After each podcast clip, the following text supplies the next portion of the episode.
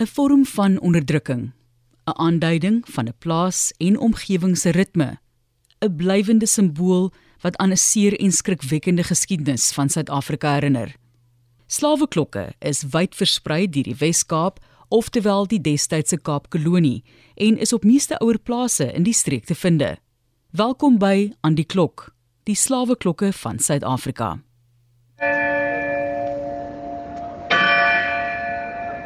Ons begin met 'n besoek aan die oudste slaweklok wat vandag nog met sy 300 kg te sien en te hoor is by die kasteel De Goeie Hoop. Dit is die gelui van die groot klok by die hoofingang van die kasteel. Die klok is in 1697 in Amsterdam gegiet en weeg so 300 kg.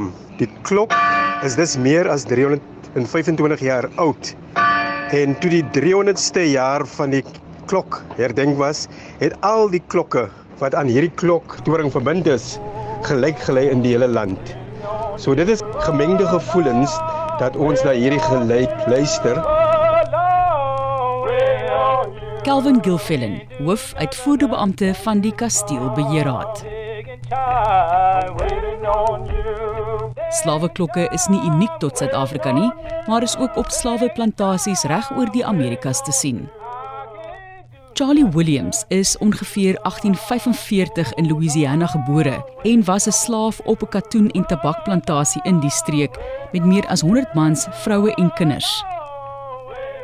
Charlie het in 'n onderhoud in 1937 vir die WPA Slawe Narratief projek gesê: "Jy kan 'n ou klok hoor wat op een of ander plantasie 'n myl of 2 daarvandaan weer klink en meer klokke op ander plekke en miskien 'n horing, klokkies en horings, klokke vir dit en horings vir dat. Al wat ons geken het was kom en gaan met die klokke en horings. Die slaweklok by die La de Mayagua, suikermeule in Kiba, is deur die meel se eienaar op 10 Oktober 1868 gelui om die slawe byeen te roep en hulle te vertel dat hulle vry is. Hy het hulle uitgenooi om aan te sluit by die stryd vir onafhanklikheid van Spanje. Hierdie daad word gesien as die begin van die 10 jaar oorlog. Dit was 'n algemene kenmerk vir suikerplantasies in Kiba. En ander noemenswaardige voorbeelde is die Angerona en die El Padre plantasies geleë in die huidige Capital del Padre in die Havana provinsie. Hybrief van die kerk, provinsiale toergids in die Wes-Kaap, plaaslike historikus en familienavorser met byna 17 jaar ondervinding in die toerismebedryf en voormalige kurator van Hetgestigte in die Parel, vertel vir ons van hierdie historiese gebou en die slaweklok wat daarmee saam opgerig is. Hetgestig in 1813 het die idee ontstaan om 'n oefeningshuis op te rig vir die slawe wat teen daardie tyd dienste bygewoon het saam met hulle eienaars by die Strooida kerk. Die Strooida kerk soos hy nou daar staan is mos in 1805 staan op sy gewel, het gestig se gewel voor het 1813 op. Dit was 'n meneer Johannes Baard en 'n meneer Christian Paulsen, twee gemeentelede, en hy besluit toe om 'n stukkie grond te skenk vir die oprigting van 'n oefeningshuis. Die rede agter dit was dat die plek was beperk in die Strooida kerk en die hoogdrawende Hollands wat gepraat was gedurende die dienste was vir die slawe 'n bietjie moeilik om te verstaan. So die gedagte was om vir hulle 'n plek te gee van aanbidding waar die slawe kan godsdienstonderrig ontvang in 'n een eenvoudiger vorm van Hollands wat vir hulle makliker was om te verstaan. Want kyk as jy klaar dink soos ek sê 'n gemakliker vorm van Hollands is natuurlik al hoe die Hollands beginne verander het en waar Afrikaans sy sy gesiggie al beginne wys het al op die monde van die van die slawe. Groot Constantia Wynplaas is gestig in 1685 toe die grond aan Simon van der Stel oorhandig is. Dit maak dit die oudste kommersiële wynplaas in Suid-Afrika. Hoofuitvoerende beampte, Jean Nudie. Dit is interessant om daarop te let dat Groot Constantia nie 'n slaweklok op die ou historiese werf het nie. Dit beteken nie dat Groot Constantia nie 'n slawe geskiedenis het nie.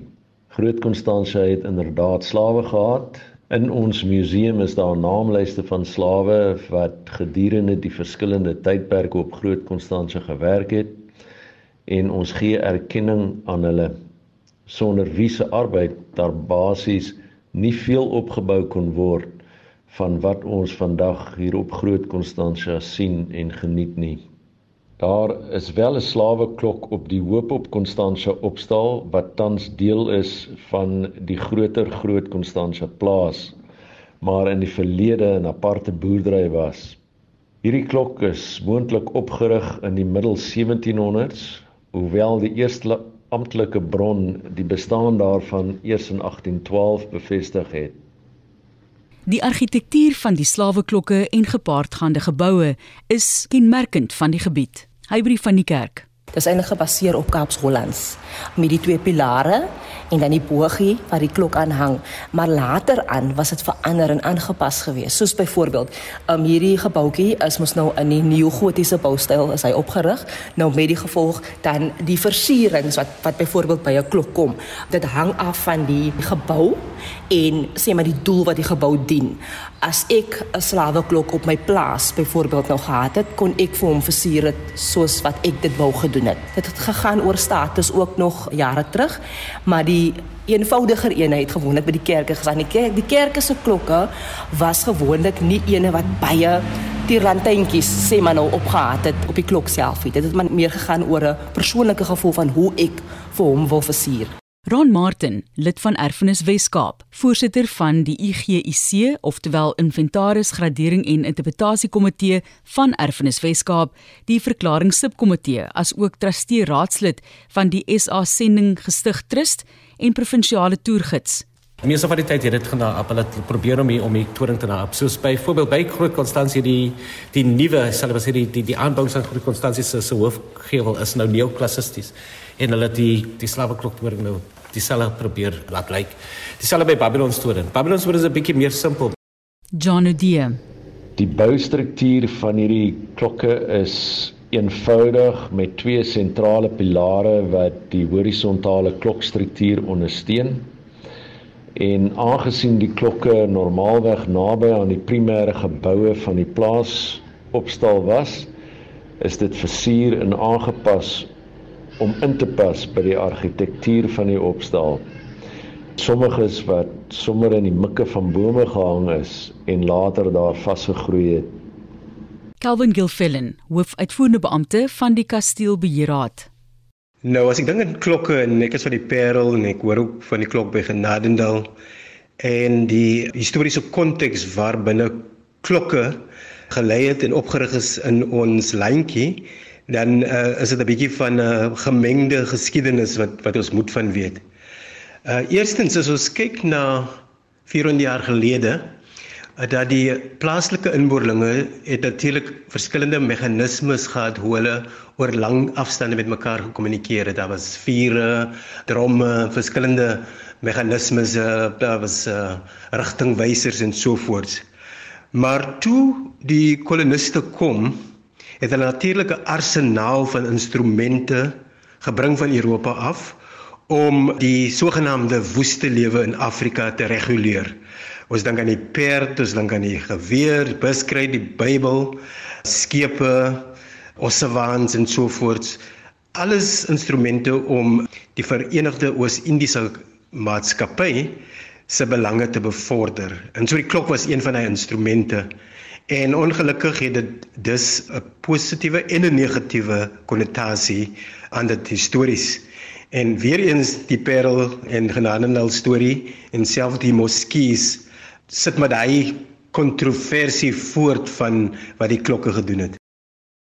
Die doel en gebruik van hierdie slaweklokke word tussen Suid-Afrikaners gedebatteer. Kaap-historikus en curator Tracy Randall. It's important to know where these structures are normally situated because they are architectural features and they're mostly in the rural country districts And there is a very specific reason for that. We don't really find slave bells in an urban setting unless it was a really historic farm. These slave bells were for the marking of time and power, essentially, over the slave bodies because in the agricultural districts, many slaves on farms were completely isolated from their neighbors. They had very little freedom of movement. So, what would happen in um, an agricultural setting is that the control of slave labor would be mediated by the ringing of bells. On large farms, a slave bell was rung to call the slaves to work in the morning or to summon them from the fields when the working day has ended. So it really is this kind of ringing of bells controlling what is essentially a larger group of people than the people who own them. So it is kind of this wielding this power over a majority by a very small minority. On wine farms, of course, there is a starker system whose effects are still being felt in the lives of many farm workers. To the present day, the slave bell also would toll at the times when slaves would receive their measures of wine, also called dop, and that's the dop system. Hy van die kerk. Maar te lees die sentiment wat rondgaan op verskeie individue gaan verskil, nê? Nee? In my opinie, die woord slaweklok sê al klaar dit was 'n slaweklok geweest. Jy kan gaan oplees reg oor die wêreld hoe die klok gebruik was. Dit was 'n vorm van beheer wat uitgeoefen was. Die klok was byvoorbeeld om die nekke ook gesit van slawe wat weggehardloop het. So dit was heeltemal gebind aan die slawe. Dan natuurlik ook as daar um, funksies gehou was byvoorbeeld ek ek sal nou nie sê op die plaas self as dit nou miskien miskien 'n verjaardagviering was of iets of 'n of 'n troue of so kan die klok ook gelei gewees het om te om uit te basyn dat almal moet weet maar hier is nou iets aan die gang. Hoofuitvoerende beampte van Constantia Wynplaas Jean Nudie. Die rol van hierdie klokke was nie direk verbind aan slawe nie In 'n meer moderne era is klokke en sirenes nog algemeen op plase gebruik om 'n aanleiding van tyd te gee, spesifiek inval en uitvaltye. Groepe werkers en slawe het op verskillende plekke op 'n plaas gewerk en dit was net regverdig dat almal dieselfde in- en uitvaltyd moet hê wat aangedui is deur hierdie sentrale klokke en sirenes.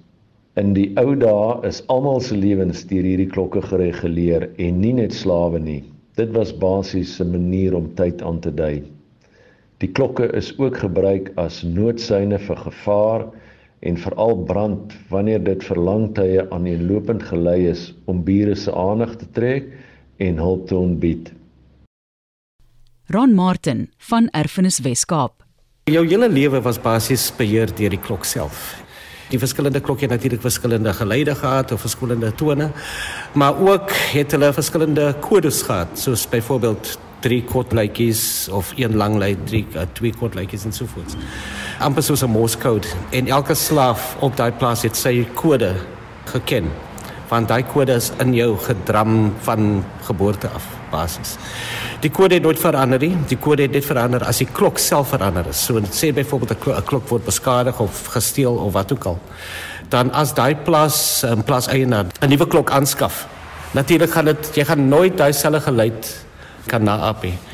So ek weet nou manufacturer, ek meen hy kan nie. So daai toon um, van hulle sal natuurlik uh, verskillend gewees het en dan sal hulle natuurlik die kode aanpas en so ja.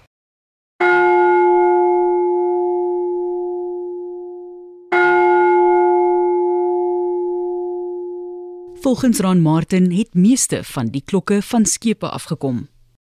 Meeste van hulle en um, ek ek dink hierdie een ook, uh, maar want ek meen as jy sê vorm en sy en sy relatiewe uh, ligte gewig kyk. Die skepe se klokke was natuurlik veel veel veel ligter. Ek dink seker kwart of wat ligter as die klokke wat op die staatsgeboue destyds gebruik was. En natuurlik ook in die kerke. Daar's eintlik verskillende oorspronge, maar meestal van hulle van die skep Dokumentering, oorvertelling en die herdenking van hierdie geskiedenis is volgens Raan Martin van integrale belang. Die nuwe erfenis wetgewing is die eerste wetgewing ter wêreld wat eintlik um, erkenning gee aan geskiedenis wat wat gelyk is aan slawerny. Ons ek praat van ons erfenis wetgewing en ons wetgewing is nou Tanzanië, Namibië en vorige Zaire DRC, um, vyf ander Afrika lande gebruik vir buitem Dit was 'n baie groot konsep om 'n wetgewing in te bring dat slawerny eintlik iets wat herdenk moet word. Nie positief nie natuurlik, maar jy moet mense moet daaraan herinner word. Die feit is dat mense nog steeds skaam is daarvoor. Sogenaamde kleerling mense al die jare was gemaak om skaam te wees oor die feit dat hulle 'n gebrek aan vaste herkoms het. En ek meen as jy kyk na die mooi landskap van die wyngebied, ek meen toe die Cape Winelands Cultural Landscape Heritage Nomination ingedien was by UNESCO as 'n World Heritage Site. Ek was een van die mense wat hard die hardste geskree het om vir die die proponents nou te vra, waarom is die slawe geskiedenis nie bygevoeg nie? Verstaan? Is altyd 'n romantic storie, is altyd 'n 'n storie wat van van van jy weet iets goed, 'n feel good storie, maar nooit die volle waarheid nie. Ek sê nie wat wat daar gesit is is nie waar nie. Dit is waar, maar dit is maar net een of twee laagies. Daar's 'n ander laagie wat uitgesluit is. En dis 'n ding wat wat wat ons altyd in in Suid-Afrika nou nog is 'n groot fout wat ons maak want ons kry nie die ek meen Suid-Afrika is nie 'n feel good storie nie. Dis een van die van die tragiese stories te te, te wêreld en selfs in die huidige tydperk. Ek meen maybe even more so. So dis dis die tyd dat mense moet mense moet daai kultuurverandering, jy weet, daai paradigm shift maak om nie skaam te wees om die volle waarheid te praat nie. My naam is Februarie. Ek is verkoop. My borste, privaat dele, my oë, my brein is nog nie myne. Soos die Sayo sê, loop ek opgekap word ek telkens gesink deur 'n ander storm, geen Jesus wat op die water loop vir my. My naam is Februarie. Ek soek nog die stang van die stuur want onder water lê die familie.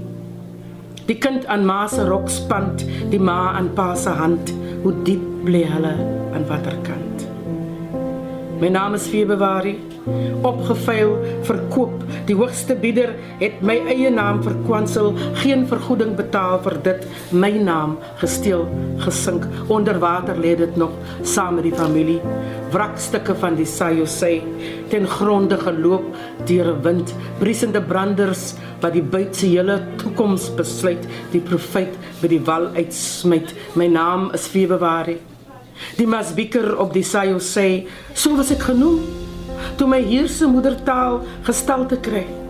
Toe tonge met mekaar begin te knoop en letters 'n vrye gang begin te loop in 'n desperate poging in hoop dat magte ook nie hierdie identiteit moet stroop word ek die masspeaker met 'n naam onder 'n ander lig gekraam en diep gevul met skaam. My naam is February. I reshaped this landscape. My hands wove the patterns of the vineyards. My feet pressed the grapes, and I was paid with the wine. I carry alcohol fetal syndrome children on my back. My name is February. I still march on the eve of December 1st. I walk the cobblestones of the city. When I cry in desperation, remember the emancipation of the slaves. My name is February. 200 years after the Sayus say I was given the vote, they said I was free. But don't you see how often I am submerged, weighed down? I'm the sunken, the soiled, forgotten, and yet memory will not leave me. My name is February. Stranded at Third Beach, but no one comes to look for me. No one waves from the dunes, no bridges back to Mozambique. My name is February. I shall be resurrected, brought to the surface, unshackled, unchained, unashamed. My name is February. My naam is February. My name is February. Dear Diana Ferris. Daar is natuurlik oor die jare verskeie stories ontwikkel, geheg aan die slaweklokke en gepaardgaande geboue. Calvin Gilfillan. Nou die klok by die kasteel is nie net sommer 'n enige hier jy klokkie. Oor die jare en oor die sê oor die eeue het hy natuurlik begin om uh stories en mites in die innuendos en verskillende verhale rondom hom te weef in die volksmond. Daar's baie stories van hierdie klok te vertel. Vandag nog is as iemand die klok lei, want ons lei die klok meer soos uh gedurende die ou tyds, nê? Dan is daar baie mense wie se hare reg op staan, want hulle soek altyd waar is die een wat die klok gelei het, want ons sien aan niemand nie. So die die hele klok storie en die spookstories het eintlik sy oorsprong in die feit dat tydens die Hollandse besetting van die van die Kaap was daar die mooi woord die Hollanders was baie beskrywend hoe hulle iemand beskryf het. Daar was die rondganger dit is 'n soldaat wat 'n spesifieke opdrag gekry het om met sy lantern in die ronde te gaan. Het, het sit nou by die kasteles of by van Riebeeck se fort is wentjie weg op die parade. Die rondganger moes gaan kyk dat alles nou in orde is En toe die klok nou nie lui nie, die tweede rondganger gaan kyk. Die klok wat ek vroeër gelei het, gaan kyk en gesien dat die eerste rondganger hom aan die klok se luitou opgehang het. En van daardie spookstorie, soos as die wind ook maar net die klok so 'n bietjie laat waai, dan dan is daar sommige mense wat sê is die rondgangers se gees wat die klok lei.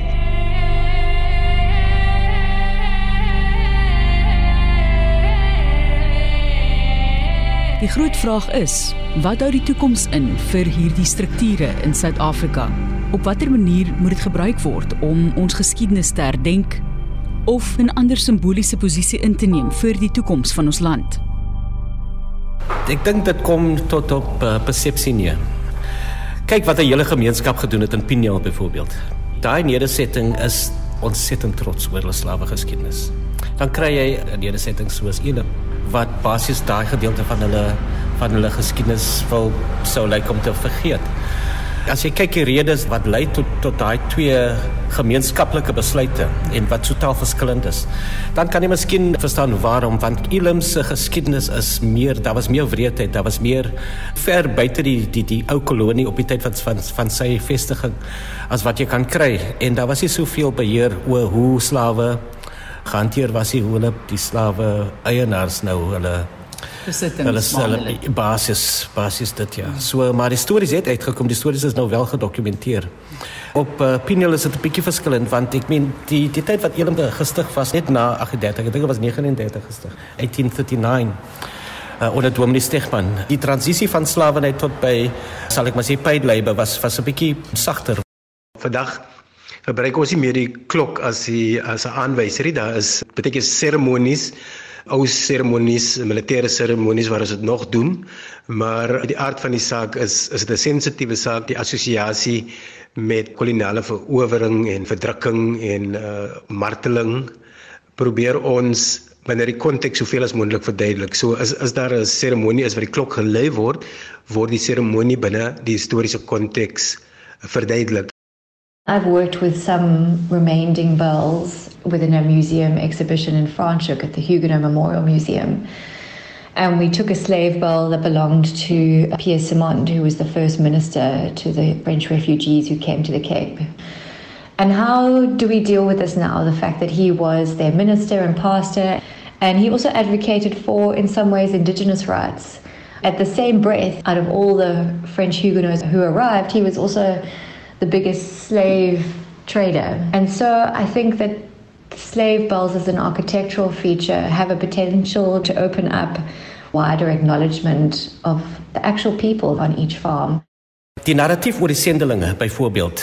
Die sendelinge het ook 'n rol gespeel in die emancipation proses, maar ook het hulle ook 'n rol gespeel in die manifestasie van slawerny deur die tydperk wat hulle hier was. Wat ons nou probeer doen is om daai narratief relevant te maak in die feit dat die hierdie transisieperiode van apartheid tot by demokrasie want daar was 'n soortgelyke transisieperiode dan. En hoe slawerny toegepas word, so die simbole daarvan, soos byvoorbeeld die klok. As die klok in 'n enige vorm van 'n positiewe gebruik kan dan uh, uh, gehandhaaf word dan miskien sal dit as simbool 'n rol kan speel. Jy weet mense moet om nie aankyk met vrees nie. Jy kan imagine hoe die slawe die klok aangesien het as die simbool van die sterkste simbool op die plaas van onderdrukking. En dis hoekom baie klokke um, gesteel was en weggesteek was. Ek meen daar was in dink in 2011 was daar op Woester net by as 'n plaas met die naam Hartbeesfontein. Waar hulle klok begrawe gekry het toe hulle die toe hulle die plaas ontwikkel. Die casino is nou daar gebou. Ehm um, so is een van die casinos se buitegeboue. I don't know if that's poetic justice. Maar anyway. Toe hulle kry toe hierdie klok onder in onder die grond waar ja. die slawe dit destyds gaan probeer wegsteek het. Daai ene. En dit was toe hulle nou gegrawe het vir die fondasie van van een van die buitegeboue van die die casino. Daar was altyd stories en accounts gewees in die diaries van die plaas eienaars dat hierdie goed gebeur het. Maar dit was die eerste keer wat uiteindelik dat daar bewyse is dat uiteindelik want daar was die evidence nog gekry.